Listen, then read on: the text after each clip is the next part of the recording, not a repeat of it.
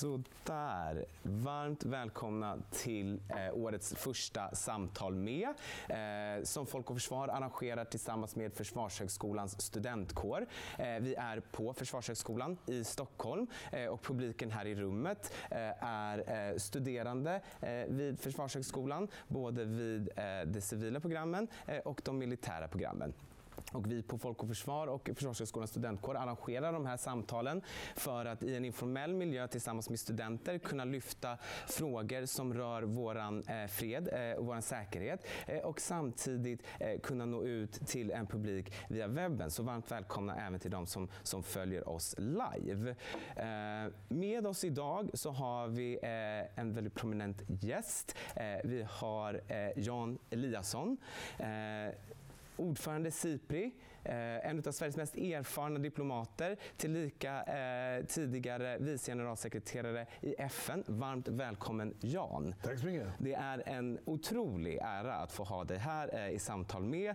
Vi har arrangerat de här samtalen nu ungefär fyra år och det är, känns otroligt kul att få börja vårterminen 2018 med just dig Jan. Tack för det. Vi ska prata om fredsskapande, vi ska prata om diplomati, vi ska prata om nedrustning. Men innan vi går in på alla de ämnena eh, så tänkte jag, när vi har dig här eh, Jan med din eh, långa imponerande karriär, eh, så tänkte jag att jag skulle börja med eh, omvärldsläget. Eh, vi, har, eh, vi möts kontinuerligt av eh, rapporter, eh, uttalanden av olika slag som betonar en osäkrare omvärld, det är förhöjt säkerhetsläge i vårt närområde, det är fler människor på flykt än tidigare som flyr från ett större antal konflikter, ett växande antal konflikter. Du började din karriär på UD på 70-talet. Eh, du har varit över hela världen. Eh, om man kollar eh, i det stora hela, är världen så osäker som den kan kännas nu 2018? Ja, jag tror nog man kan säga det. Det är så? Ja, jag tror att det är en uh, större grad av osäkerhet, uh, oförutsägbarhet mm. än jag kan erhålla med på lång tid. Mm. Uh, och skälen är många. Det finns för första gången anledning att oroa sig för kärnvapenkonflikt. Nästan otänkbart efter 1989, ska jag säga, muren föll. Mm. Vi har tycker jag, ökande svårigheter att lösa konflikter. Därför att konflikter mer och mer eh, berörs av etniska och religiösa faktorer. Jag har medlat i sex konflikter och märker att det är mycket, mycket svårare med dessa etniska och religiösa element som tar in en emotionell dimension i konflikter. Mm. Och som vi sett i Syrien, denna fruktansvärda konflikt, så har ju också konflikter tenderat att bli vad som på engelska kallas proxy wars. Mm. Det vill säga andra länder spelar ut sina motsättningar på ett annat lands territorium. Mm. Så I Syrien har vi då partnermarken, men vi har också regionen, spänningen mellan Iran och Saudiarabien som spelas ut i landet. Turkiets intressen, Qatar kanske. Och sen på säkerhetsrådsplanet där jag har varit aktiv mm. i nästan fem år oerhört svårt att finna en eh, kraftfull resolution som stödjer det medlingsarbetet som vi är satta att göra. Mm. Kofi Annan fick lida av det och Lakhdar Brahimi och nu Staffan de Mistura. Mm. Och det eh, tredje är som, som jag också tycker nu kryper in mycket mer i dagens värld. Det är det akuta behovet att bli medvetna om att vi har en existentiellt hot mm. med klimatfrågan och miljöfrågorna. Mm. Och att vi måste ta den på större allvar och verkligen ta vårt ansvar. Mm. Ja, det blir, gör väl. Mixen där är ganska dyster, men det finns hopp. Det finns hopp. Jag antar att du kommer till det sen. Mm. Men det är skälet till att jag, även jag är lite orolig. Jag tycker att det är viktigt att vi är noga med att analysera världen. Mm. Eh, men också finna vägar att hantera de här mm. osäkerheterna. Mm. Jag brukar säga till mina medarbetare när de var förtvivlade över eländet i världen i FN då, så sa att FN är egentligen, vi ska tänka på två saker. FN är en spegling av världen som den är. Mm. And it's not a pretty place. Mm. Men FN är också en spegling av världen som den borde vara. Mm. Och vårt jobb på vår stund här på jorden, det är att minska klyftan mellan mm. världen som den är mm. och världen som den borde vara. Och då ska man inte tro att man ska ändra världen över en natt, utan en millimeter, en centimeter får du vara nöjd med. Mm. Om vi, om vi, om, nu kom du in på FN och om vi fortsätter där. Um, det eh, talas ibland om att FN står inför en, en förtroendekris eller att FN har inte lyckats hantera, då tänker jag primärt på Syrien, eh, det har varit en del uppmärksammade fall. Eh, och, och, nu så sa du att FN är ju en reflektion utav, utav världen så som den är, mm. Eh, eh, kombinerat då med, med, med, idén om hur världen borde vara. Mm. Eh, har vi för höga krav på FN? Ja, jag vill inte säga det. Det är ju en eh, symbol för människors längtan efter fred. Det skapades ju efter denna mardrömsperiod. Det är väl den värsta historien nästan, eh, världen mellan 1930 och 1945. Och ur denna aska eh, framträder då den organisation som byggde på den stadga som jag plockade på mig. Den hade jag mm. alltid på jobbet på FN. Eh, I San Francisco mm. 1945. Väldigt välskriven eh, på alla punkter. Mm. Även om de inte var så glada över att skriva om vetot här tror jag. Men eh, den organisationen är så stark som världens medlemsstater vill göra den. Mm. Och framförallt gäller det de fem länder som har fått det förmånen, privilegiet att kunna lägga veton. Mm. Och, eh, det gör att man får liksom se FN som en spegling av världen som den är. Och om det är spänningar då, till exempel med USA och Ryssland. Mm. Om Syrien, ja då vet vi att vi får inte ut en stark resolution i rådet. Men det är liksom vi som då får ta stötarna, Ban Ki-Moon och jag i ledningen, under de åren Syrienkriget pågick. Det var en mardröm som vi levde med. Mm. Samtidigt vill jag inte skylla ifrån mig. Vi har säkert mycket som vi kan göra bättre och jag är en stor vän av FN men ingen okritisk vän. Mm. Vi behöver reformeras. Mm. Vi behöver också vara tuffare och tydligare. Jag tycker mm. nu är det dags att mobilisera goda krafter i världen därför att det är många andra krafter som är på gång. Mm. Om, om, om, vi, om vi fortsätter också på, på, på det, det, som du sa att FN, FN behöver reformeras. Det, det pratar ibland mycket om säkerhetsrådets, eh, att den ska reflektera den multipolära världen på ett annat sätt. Andra aktörer ska få komma in. Eh, och sen så, så eh, också att FN måste eh, möta komplexiteten i, i, dagens säkerhetspolitiska konflikter. Som du nämnde också proxy, mm. proxykrig och så vidare. om vi, det är ju väldigt stora frågor naturligtvis, men, men om du skulle kunna kunna här för oss mm. nu kanske komma ner till kanske två eller kanske tre konkreta saker som vi faktiskt behöver ändra i FN? Okej, okay. tre. Tre, tre. Säkerhetsrådet. Mm. Största hindret för den kraftfulla handling som jag hade velat se, mm. till exempel i Syrienfrågan, är vetot. Mm. Det är helt orealistiskt att tro att vi ska avskaffa vetot. Det krävs nämligen en enig, säkerhets, enig generalförsamling två gånger. Och eh, vi har länder som har vetorätt i detta, så att glöm det. Tyvärr. Eh, men vad som borde göras är att vi alla ska medverka till att betrakta användandet av veto som ett misslyckande. Eller i varje fall dålig smak. Därför att de som sitter i säkerhetsrådet har fått detta ansvar Sverige gör ett bra jobb för det, mm. tycker jag. Men det är ändå de fem permanenta som avgör om eh, de ska lägga sin veto mot, i viktiga frågor. Mm. De måste förstå att de har fått ett mandat, en gåva i sin hand från i San Francisco 45. Och det innebär att de har en plikt att förhandla. Under kalla kriget vande vi oss att det inte gick att förhandla för att motsättningarna var så enormt starka. Mm. Men efter kalla kriget, även om det är tendenser som går tillbaka till gamla tider, så är det i alla fall ett förhandlingsutrymme. Mm. Och en av mina mm, nästan maniska idéer idag det är att det är alldeles för lite diplomati. Mm. Alldeles för lite förhandling. Hot, plakatpolitik, eh, sociala medier som ska jaga upp eh, människor. Eh, och alldeles för lite jobb med att finna fredliga lösningar. Mm. Och de bör göra sitt jobb, förhandla fram resolutioner. Mm. Kofi Annan hade kunnat få igenom en resolution sommaren 2012 i Syrienfrågan. Mm. Om medlemsstaterna hade förstått att de inte skulle satsa på långsiktiga militära segrar, eller till och med kortsiktiga. Då. Jag har ett skämt på detta, och det är lite allvarligt menat också. Det är att säkerhetsrådet borde jobba som katolska kyrkan när de väljer påvar. Mm. Ni vet vad jag menar? Mm. Man ska låsa in dem. Och sen får de komma ut först när röken stiger upp. Då är resolutionen klar. Mm.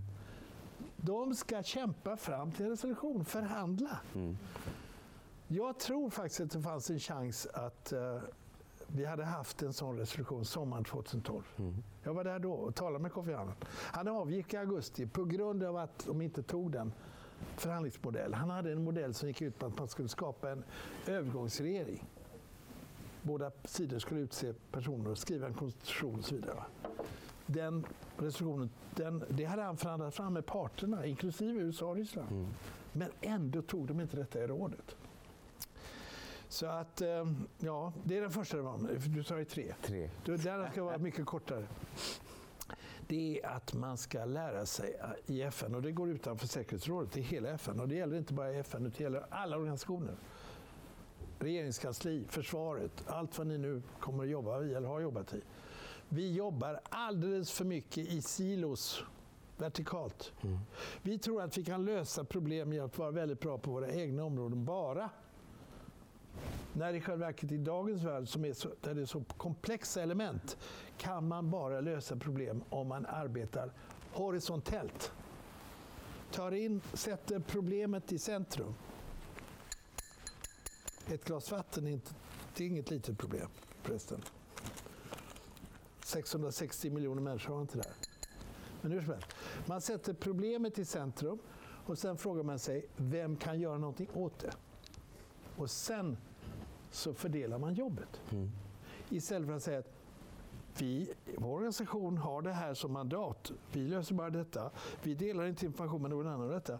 Och sen tror vi att vi ska lösa problem. Det innebär bara att man gräver sig djupare och djupare ner i marken och inte löser problem. Så arbeta och tänk horisontellt. Inte bara det att det är effektivare, ni får också oerhört mycket roligare. Mm. Därför att man får in andras aspekter, andra aspekter på den problemlösning som man är tränad till. Detta vill inte säga att ni måste vara bäst på det som ni är tränade för. Vi ska vara bäst i varje vertikal sektor, men vi ska förstå att vi ska lösa problem. Så bryter vi murar och tar in andra intressenter som kan lösa det för oss. Det tredje är naturligtvis förebyggande. Mm. Detta har jag tjatat om och talat och studerat om till förbannelse. I UD, i FN, i Uppsala universitet, gästprofessor Eh, Peter Wallensens institution, någon som har anknytning där. Väldigt fin konfliktlösning. Eh, men vi har inte riktigt satt detta i system. Att agera tidigt istället för att vänta till kriserna eh, bryter ut. Och där kan vi utveckla, det kan leda mig för långt att ta alla exempel på vad man borde mm. göra. Men det finns metoder att känna, får jag använda igen det här, vibrationerna. Mm. Varje gång vi känner vibrationer i marken på att en konflikt kommer att uppstå, en fattigdom går så djupt så att det blir explosioner och jättelika konsekvenser, till och med konflikt. Att mänskliga rättigheter bryts på ett sätt som är så flagrant så att det blir inbördeskrig kanske till slut. Då ska man lyssna på de vibrationerna och agera då. Mm. Men jag tror, och det kan ni kanske hålla med om, att vi människor är inte funtade så att vi så ofta vill se problem tidigt. Jag får ett sår i mina händer här. Jag bryr mig inte om det såret förrän det blir infekterat. Istället för att Desivon och allt det där. För att man ska göra. En eh, operation för hjärtinfarkt. Vem tänker ni på? Eller rätt sagt hjärtinfarkt. Jo, man tänker på en läkare som tar en triple bypass. Men vem tänker på den här dietisten som talar om att ska äta äpplen och hårt bröd och sova åtta timmar och vara snäll mot dina medmänniskor? Vad är det som är viktigast för att undvika en hjärtinfarkt? Ja, vi tänker inte preventivt. Så att där har mina tre reformer. Tack för att jag fick chansen. Det tog alldeles för lång tid. Men jag tycker att vi stannar vid, just som du säger, vid de förebyggande. För att, eh, om, om, vi, om vi kopplar det tillsammans då med den här eh, känslan, eller i alla fall upplevelsen utav att vi är i en ny, ny tid, eller i alla fall en ny gammal tid. Det, det är ett osäkert eh, omvärldsläge. Det är en multipolär värld. Det, det är eh, en, en, en, amerikansk president eh, som har förändrat eh, USAs roll på världsarenan. Det, det är, eh, ibland så pratar man om geopolitikens återkomst återkomst. Eh, det förebyggande arbetet, har det förändrat karaktär ifrån tidigare? Kan man se eh, de här metoderna som du nämnde, är, är de nya eller skiljer de sig i, i den här världen ifrån, ifrån den tidigare, låt oss säga kalla kriget eller precis post kalla kriget? Nej, vi har varit dåliga på förebyggande i, i mycket, mycket lång tid. Mm. Det har inte varit bättre för inte sämre heller faktiskt. Det, det som jag tycker är nytt är väl kanske att förebyggande också ska innebära att man inte bara tittar på eh, militära aspekter eller politiska aspekter utan man måste bygga in utvecklingsaspekter, miljöaspekter, klimathotet mm. som eh, nu eh, översätts till stora migrationsrörelser och floods och droughts, mm. alltså torka och flodkatastrofer som leder till folkförflyttningar. Havsnivåhöjning som jag ser fysiskt. Jag var i Mekongdeltat för två år sedan och såg hur eh, både havsnivåhöjningen och sänkningen av färskvattentillgångarna i Mekong har lett till att sötvattenfisket eh, dör ut och att eh, risfälten blir bruna och, inte, och så att folk flyttar in i städer. Så redan nu har vi alltså anledning att se säkerhet i ett vidare perspektiv. Mm. Eh, och se det både i perspektivet utveckling, miljöfrågor, fattigdom och så vidare, de faktorerna. Men sen också mänskliga rättigheter. Mm. Jag, är, jag har blivit mer och mer engagerad i mänskliga rättigheter och ser det väldigt mycket som en tidig varningssignal. Mm. Eh, de här vibrationerna, när man ser i ett land att eh, pappan i en familj torteras därför att han har vissa åsikter eller barnen inte får i skola därför att de har en särskild eh, etnisk grupp eller eh, tillhörighet till en annan stam. Då ser man ju, det dröjer inte länge förrän det här blir ett inbördeskrig. Så att det, det, det, jag tror att det nya är väl att vi har chansen att se det i lite bredare perspektiv och att vi kanske ska tillämpa det här horisontella arbetssättet. Mm. Eh, jag var ju ordförande i generalförsamlingen faktiskt, mm. 2005-2006. Eh, jag är väldigt stolt över en sak. Det var Kofi Annan, eh, som generalsekreterare då, som klagade sin nöd över att vad vi hade förhandlat fram var ett dokument på jag, vet, jag tror det var 170 paragrafer, mardrömslikt. Och då sa Kofi Annan till mig, du, vi måste ju få, du måste ju få ner det till en formel. En kortare formel i preambeln, alltså första delen. Och så, så hade vi lite brainstorming med unga begåvade personer som ni. Här, så här. Och så kom någon fram till att men kan man inte gifta ihop de här? Du tjatar så mycket om the indispensable connection between peace development and human rights. Ja. Så då skrev vi den där formeln som jag tror några av er kanske har hört eller sett, men den är central. There is no peace without development. Mm. But there is no development without peace. And none of the above No lasting peace, no development without respect of human rights. Mm. Där ligger det alltså. Där ser du helheten. Tre delar och man måste jobba med dem samtidigt. Jag gick en gång i tiden på universitetet och fick lära mig att från en professor som jag faktiskt protesterade mot, jag är ganska stolt över det. Han sa att först kan man ha fred, sen kan man bygga ut utveckling och sen kommer mänskliga rättigheter automatiskt. Mm. Fel. Man måste jobba med alla tre på en gång. Annars blir ett av benen svagt och så faller allt samman. Så att, eh, nej, jag tror det, det, det finns nya faktorer och framförallt måste man bli medveten om att man mm. måste agera tidigt. Och det ska vara, ni ska vara stolta om ni känner av att vibrationerna är tydliga. Varför tittar vi inte på det? Då ska ni vara som H.C. Anderssons favoritfigur för mig, nämligen gossen i kejsarens nya kläder. Är han inte naken? sa den lilla gossen. Mm. Och då säger alla, men det var ju precis vad jag tänkte. Mm. Så att fånga signalerna och göra mm. någonting åt dem då. Mm. Vi kommer att spara så mycket liv och så mycket nattsömn och, ja, som någonsin tidigare. Mm. Eh, jag, jag, vill alldeles strax vilja gå in på nedrustningsarbete, men, men jag tänkte, du, du sa så intressant, no peace, uh, no security without development, no mm. development without, uh, mm. ja. uh, och, och, sen så human rights, den här triangeln. Varför är det så svårt, tror du, i dagens, i dagens liksom säkerhetspolitiska fält, det internationella samfundet? Varför är det så svårt för oss att implementera det Jo, det är ju därför att om du, ska, om du accepterar den modellen, som jag tror är tyvärr den enda möjliga att arbeta ifrån, då innebär det att du kan inte numera skilja internationella eh, handlingen, internationella systemet från det nationella systemet. Nej. Om det är så att ett land i ett land det sker en systematisk förföljelse av en viss grupp. Mm. Då kommer det att leda till inbördeskrig och i dagens värld blir det ofta proxy wars, mm. så det blir internationella konflikter. Syrien till exempel. Samtidigt vill jag säga att om du jag ska uttrycka på det här sättet. Den goda internationella lösningen. Läs klimatfrågan, Parisavtalet. Beklagligtvis så har ju president Trump lämnat det. Eller avser att lämna det. Den goda internationella lösningen. Ta klimatfrågan eller ta migration som ska vara ett stort viktigt möte om en senare i år. Den ligger i det nationella intresset. Tänk på det. Den goda internationella lösningen är i dagens värld ett nationellt intresse.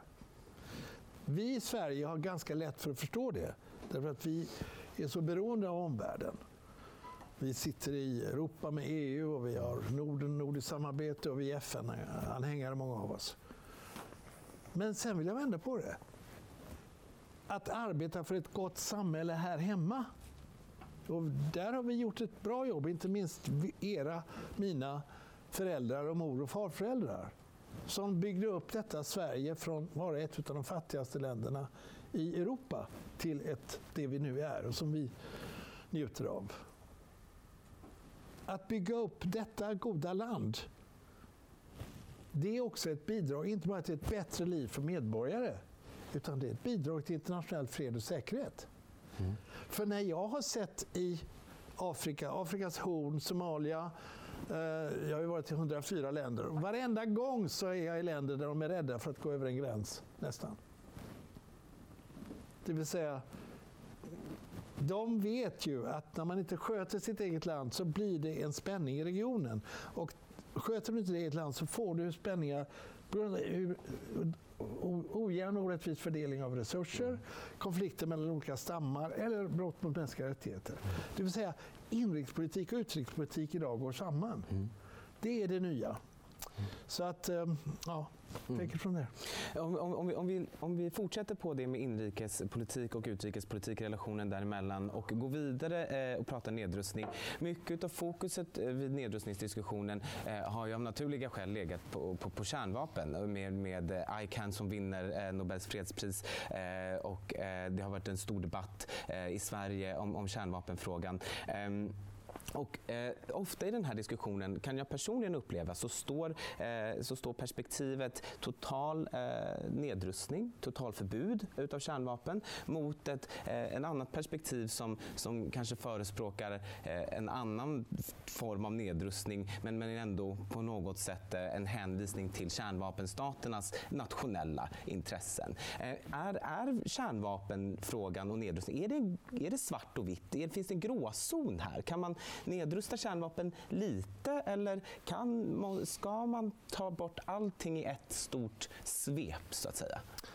Jag vet inte riktigt var jag ska börja här. För att, eh, Den lilla frågan. Nej, men vi kan börja med att eh, kärnvapennedrustning, total kärnvapennedrustning är ju någonting som alltid eftersträvats. Mm. Uh, jag eh, var ju med på min tid när jag analyserade Gorbatjovs och Reagans möte i Reykjavik 1986. Mm.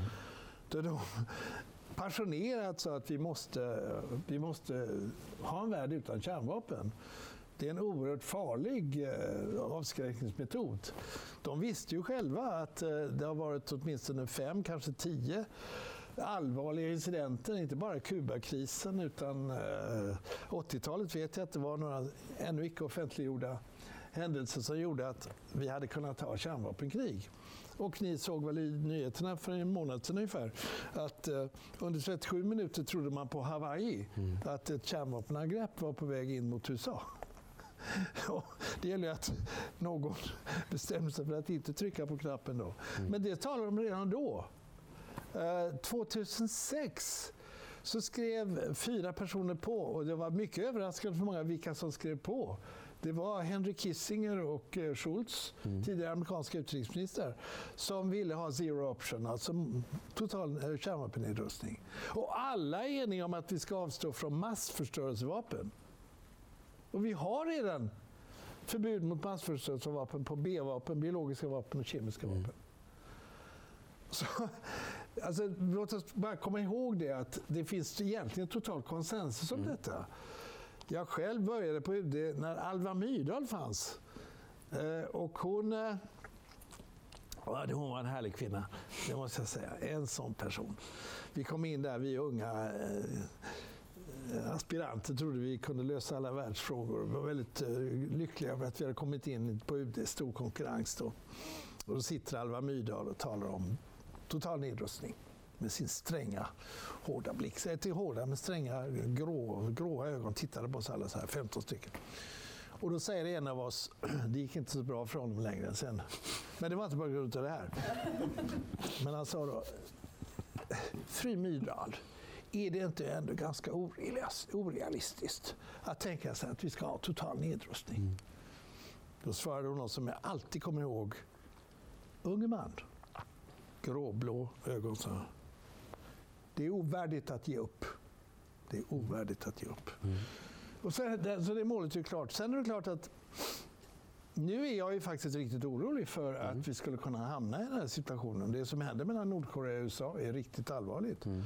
Uh, och jag hoppas att diplomatin får en chans. Uh, jag tror att uh, det finns en risk och den måste minimeras. Givetvis måste man ju få stopp på kärnvapenproven från Nordkorea och ballistiska proven. Det går ju mot säkerhetsresolutioner och annat. Och då också mot NPT, icke-spridningsavtalet. Men samtidigt så får man ju också finna en, en politisk väg att lösa detta. Mm. Därför att eh, ha någon slags dröm eller föreställning om att man skulle kunna ut, utkämpa begränsade kärnvapenkrig eh, som möjligen kan komma ifrån eh, tal om att eh, man ska ha en bloody nose strategy. Mm. Det finns en diskussion nu om man ska ge Nordkorea en bloody nose med kärnvapen. Eller metoden vet jag inte riktigt hur det ska gå till. Men sen också den här nya debatten som pågår om eh, mer, en modernisering av kärnvapen som har lett till att man diskuterar eh, taktiska kärnvapen både i, på NATO-håll, amerikanskt håll, men också ryskt håll. Mm. Eh, och det gör ju att man nästan banaliserar kärnvapenhotet. Mm. Och det, eh, menar, Hiroshima nu, det är ju den, den, typen av bomb är de riktigt, riktigt Eh, jag bara snälla bomberna, men de är, det, dagens, dagens vapen är ju av en helt annan storleksordning. Mm. Så att, jag, tror, jag tycker det är oerhört viktigt att vi håller igång nedrustningsdebatten och det är tråkigt att vi har så lite att bygga på. Samtidigt vill jag inte bygga, bygga upp en alltför negativ bild därför att vi har gått ner från 70 000 kärnvapen till 15 000 tror jag det är nu enligt statistiken för 1916. Så att det finns en väg neråt. Men nu löper vissa avtal ut eh, som jag tycker borde förlängas. Och jag tycker också man borde återuppta levande samtal mellan USA och Ryssland. Men också de samtal som har frusit inne fullständigt i Genève. Mm. Så att vi, vi, jag tycker vi måste, måste ta oss an kärnvapennedrustningen och allvarligt. Och jag vet nu i Sverige är det en väldigt känslig mm. fråga. Jag kommer ju hem ny här så jag kan oskyldigt titta in i debatten här och ser att det finns en debatt om detta. Och eh, jag kan göra som utrikesministern gjorde i morse i utrikesdebatten. Frågan utreds. Mm. Vi får se hur de olika faktorerna spelar in här. Mm. Men jag vill ändå påminna om att eh, ett förbud mot kärnvapen är inte så sensationellt. Det är svensk politik sedan gammalt och även internationell politik. Mm. Kärnvapen eh, kan ibland uppfattas som, eh, som rätt abstrakt. För, för, för, att eh, det är ju också på något sätt ett existentiellt hot. Det, det, kan, det kan ändå utrota mänskligheten. Och, och, men, och om vi vänder oss mot, mot andra vapentyper, nedrustningsarbetet med, med, med andra konventionella vapen ehm, och kolla på FN. Att FN som ändå är en, en, en institution som erkänner staters rätt till, till självförsvar. Hur, hur, hur verkar FN för nedrustning i en tid av generell upprustning? Det här säkerhetspolitiska läget har motiverat satsningar på försvaret i ett flertal länder, Sverige bland annat, eh, sen, sen några år tillbaka. Hur verkar FN i en sån här kontext? Ja, men Alltså, FN har en viktig roll att sätta internationella normer, mm. eh, driva de här massförstörelsevapenfrågorna. Vi har varit, gjort ett bra jobb tycker jag, på landminor. Mm. Jag har själv varit med i det arbetet under, sedan många år tillbaka. Eh, och det finns anledning att titta på rätt mycket av det konventionella systemet. Men man kan inte komma ifrån att eh, grundläggande försvarsfrågor är väldigt mycket en nationell fråga ja. eller en fråga för NATO om man är NATO-medlem. Eller alliansfri som jag vill använda ett ord som är väldigt viktigt att komma ihåg. Eh, eller om man tillhör den andra. Vi ser vad som händer i Kina och Ryssland också. Eh, och då tror jag att det blir andra, andra mekanismer eh, som måste komma till, till stånd och det är andra aktörer än FN. Så att, eh, jag vill inte säga alltid att FN har någon slags universalmedicin på varje problem i mm. världen, så är det inte. Vissa problem hanteras bättre i till exempel förhandlingar mellan USA och Ryssland på de här frågorna. Eller eh, i, i, mellan NATO och, eh, och eh, Ryssland också antar jag. Eh, I, i hela olika kombinationer. Sen så är det vissa frågetecken. Hur starkt ska EU bli? Det blir en diskussion nu om EU ska ha det här PESCO-systemet mm. som ni antagligen kan bättre än jag. Men jag har läst om det nu. Hur, hur det ska ge Europa en dimension mm. som ingalunda kommer upp i avskräckningsstorleken ännu. Så att man, jag tror inte man ska ta FN i centrum för Nej. detta. Det är så många andra krafter. Personligen tycker jag för övrigt, jag är sjöofficer, jag är kapten i flottans reserv. Är någon marinare? Ja. Ja, bra. Eh, jag tycker ju att eh, vårt försvar eh, har farit ganska illa och att vi borde ha, inte ha, vi borde ha, tycker jag, följt rätt mycket Finlands linje. Mm. Jag, tycker, jag är dessutom mycket skeptisk till avskaffandet av värnplikten. Vi kunde mycket väl ha gjort någonting annat. Så ett plikt, pliktkrav där som hade gått utöver den militära värnplikten. Jag tycker att värnplikten var en enormt viktig faktor att föra, stärka sammanhållning i landet också. Mm. Jag har gått ut på Twitter om detta, om någon har Twitter. Um, men om vi... Uh, um, jag, jag, tänkte att vi skulle komma tillbaka lite till... Uh, till kan jag få lite uh, mer vatten? Självklart. vi har lite vatten här borta bara. Mm. Um, och jag tänkte att vi skulle, eh, skulle komma tillbaka till, eh, till eh, förhandlingssituationer i diplomatin i slutet av samtalet och, och tiden rinner mm. naturligtvis mm. iväg. Men jag tänkte bara för, för du nämnde innan det här med, med snabba kommunikationer med, med, med, med, Twitter och så vidare. Och jag tänker just om vi kollar på diplomatin som verktyg. Den här, de här snabba kommunikationskanalerna. Det här att världsledare kan nå ut till dels sin, sin hemmabefolkning men också mm. till hela världens befolkning. Eh, både genom eh, saker såsom Twitter eh, eller andra medium av olika slag. Att, att man kan få så stort genomslag så snabbt. Påverkar det här den diplomatiska mm. sfären? Och, och, är, är, det endast negativt eller är det positivt? Om du kan resonera lite? Nej, det är både och tycker jag. Och jag tycker det är jättebra att du tar upp den frågan. Jag tycker vi alla ska fundera lite grann på det här jag bara känner på mig instinktivt uh, när, när jag jämför hela mitt diplomatiska liv med dagens värld så tycker jag att vi har nästan kommit upp i en hysterisk takt. Mm. I uh, först informationsflödet och, och, och också det det ganska rapsodiska mottagandet av flödet. Man ser det ena och det andra och det kastas en kassa för det ena och det andra. Och, eh, det handlar rätt mycket om att eh, skumma ytan också. Mm. Eh, vi har hela den här diskussionen om evidence-based facts, alltså faktabaserad kunskap och hur viktigt det är att man gräver djupare. Ni ska ju analysera väl och, och det är det som ska produceras. Och det är det som i regel också nådde de traditionella media. New York mm. Times, uh, Washington Post, otroligt respekterade uh, organ. Och nu så är det nästan ett krig från amerikanska presidentens sida mot dessa uh, som arbetar rätt mycket med evidence-based facts. Medan man då sprider ut uh, saker som gör att det suddas bort gränsen mellan fakta och fiction, fakta och uh, till och med lögn. Mm. Och det som är så obehagligt kusligt är att folk verkar inte bry sig om det. Mm. En lögn lever, den, den är en faktum i sig. Mm. Och det känner att jag nästan är, tycker vi är på ett gungfly. Mm. Med, med denna. Sen är det klart, den här saken som vi väl har i fickan, den är ju en välsignelse ur andra synpunkter. Det är en fantastisk kunskapskälla. När jag medlade i olika konflikter i Afrika och Asien, eller Mellanöstern framförallt, så visste ju inte människorna i de här länderna vad som hände utanför sina gränser på 80-90-talet ens. Det bestämdes av deras regimer. Nu trycker man på en knapp här. Va?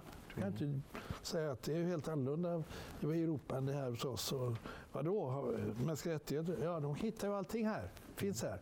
Så det är en kunskapskälla utan like. Mm. Och det är en väldigt positiv faktor apropå det negativa. Det är en mm. hoppfaktor egentligen. Mm. Men det är också en har också lett till, det här har också lett till en väldigt stor, mycket, mycket högre förväntningsnivå. När man nu vet hur det kan bli för en. Titta på flyktingrörelserna nu till exempel. Varför ska man då se sina barn dö i mm. sin familj utav svält? Nej, man ger sig iväg ut då. Och då men sen också kastar man bort regimer. Arabiska våren, det kan man ju knappt använda det uttrycket längre. Mm. Ja, vad hände? Jo, Mubarak bland annat åkte ut, buller och bång. Vem kom in? Morsi med stöd av 25 miljoner brödraskapare, muslimska brödraskapare. Vad hände? Efter ett år Va? Han hade ju inte förändrat det ekonomiska och sociala livet ute i byarna. Och så sitter Sissi där. Mm. Min pappa, han var så arg för det blev en annan sorts regering han ville ha. En gammal metallordförande facket. Mm. Jag ska inte säga vilka år det var, men ni anar. Så ringde han mig. Jag var då, uh, jobbade på UD. Alltså, det är inte klokt det här. Det är inte, han var så enormt arg. Och sin, I sin ungdom hade han bekämpat både nazister och kommunister på gatorna i Göteborg. Jag sa, lugna ner dig. Varför, var, var, du låter ju som du var ute och agiterar nu. Vadå? Det är ju demokratiskt vald regering som kommer in här. Ja, jag vet, jag vet. Men du, vi tar, dem om, vi tar dem i nästa val. det vill säga, vrede, vrede, men aldrig en tanke annat att vi ska använda detta underbara äh, demokratiska system vi har. Så är det inte idag, Viktor. Så är det inte idag. Därför att folk säger, nu ska det hända. Det kallas på engelska, något, jag tror jag har hittat på det här uttrycket, instant gratification. Mm. Omedelbar tillfredsställelse. Mm. Vänta sig mer. Men om vi då om vi är i, i, i diplomatin, vi, vi, är i de här förhandlingssituationerna. Eh, det, finns, det finns ju olika former, naturligtvis, olika kontexter där, där, där, där aktörer, eh, stater, eh, organisationer förhandlar med varandra. Eh, om vi, eh, du har som sagt en väldigt lång karriär. Du har, du har lång erfarenhet utav, utav förhandling, både fredsförhandling eh, och, och, och, samtal. Eh, Lyckade, missly hur, hur, lyckas man, misslyckas man? Vad finns det för, vad finns det, finns det några avgörande faktorer som är generella? Du vet inte att du har ställt favoritfrågan till mig. Hur lång tid har ni? Så långt som du vill ha, ja. Nej, men det här är, det här är faktiskt det som jag har tyckt varit mest tillfredsställande i mitt liv, det är förhandlingsarbete, medlingsarbete. Jag har medlat i sex kriser. Ibland framgångsrikt, ibland inte alls framgångsrikt, misslyckat. Och när jag var gästprofessor i Uppsala, eh, två gånger, 94, 95, 93, 94 och 2000, efter att jag lämnade som utrikesminister, 2008, 2009 tror jag det var. Då utmanade mig Peter Wallensten, känner till honom? Han är eh, Sverige, en av Sveriges främsta konfliktforskare, internationellt erkänd. Om du ska ha en master, så tänk på det som är möjligt. Uh, han sa till mig, det verkar som du, du tror ju själv att du har förhandlat på ett ganska spontant maner. Du improviserar, du tar stämningar och så kör du. Ja, det stämmer kanske. Men jag har kommit fram till att det, det, det finns en systematik. Va? Så. Jo, gå hem över helgen och så håller du ett föredrag för oss på institutionen på torsdag nästa vecka om vilka faktorer avgör om du lyckas eller misslyckas i förhandling och medling och i livet. Akta er. Nu är det fyra skäl. Mm. Jag kan tala en timme om detta, men jag ska bara nämna de fyra orden som avgör, enligt min uppfattning, framgång i förhandling. Jag ska inte tala om det man måste göra först, nämligen bra fotarbete och förberedelser så du kan ämnet utan innan. Så det behöver jag inte nämna ens. Det måste man ha i sig. Men sen är det fyra saker som för min del förklarar varför jag har lyckats eller framförallt misslyckats några, några gånger. Flera gånger. Första är valet av ord. Ert viktigaste instrument i era liv är och kommer att bli ordet. Ert talade ord, ert skrivna ord. Samla ord. Ni ska lära er fem synonymer på engelska för viktigaste orden i den, på det område ni håller på med. Ni ska kunna tala absolut flytande och skriva absolut flytande minst ett språk. I dagens värld helst två språk flytande. Ordet valt vid rätt tidpunkt kan antingen stänga en dörr eller öppna en dörr. Mm. Visa respekt för ordet. Samla ord. Älska ordet. Om ni inte gör det har ni alldeles för lite verktyg i er verktygslåda. Nummer två. Det gamla svenska uttrycket. Timing. Välja rätt tidpunkt. Allt ni gör som ni vill genomföra, förhandling, medling, även på privata planet.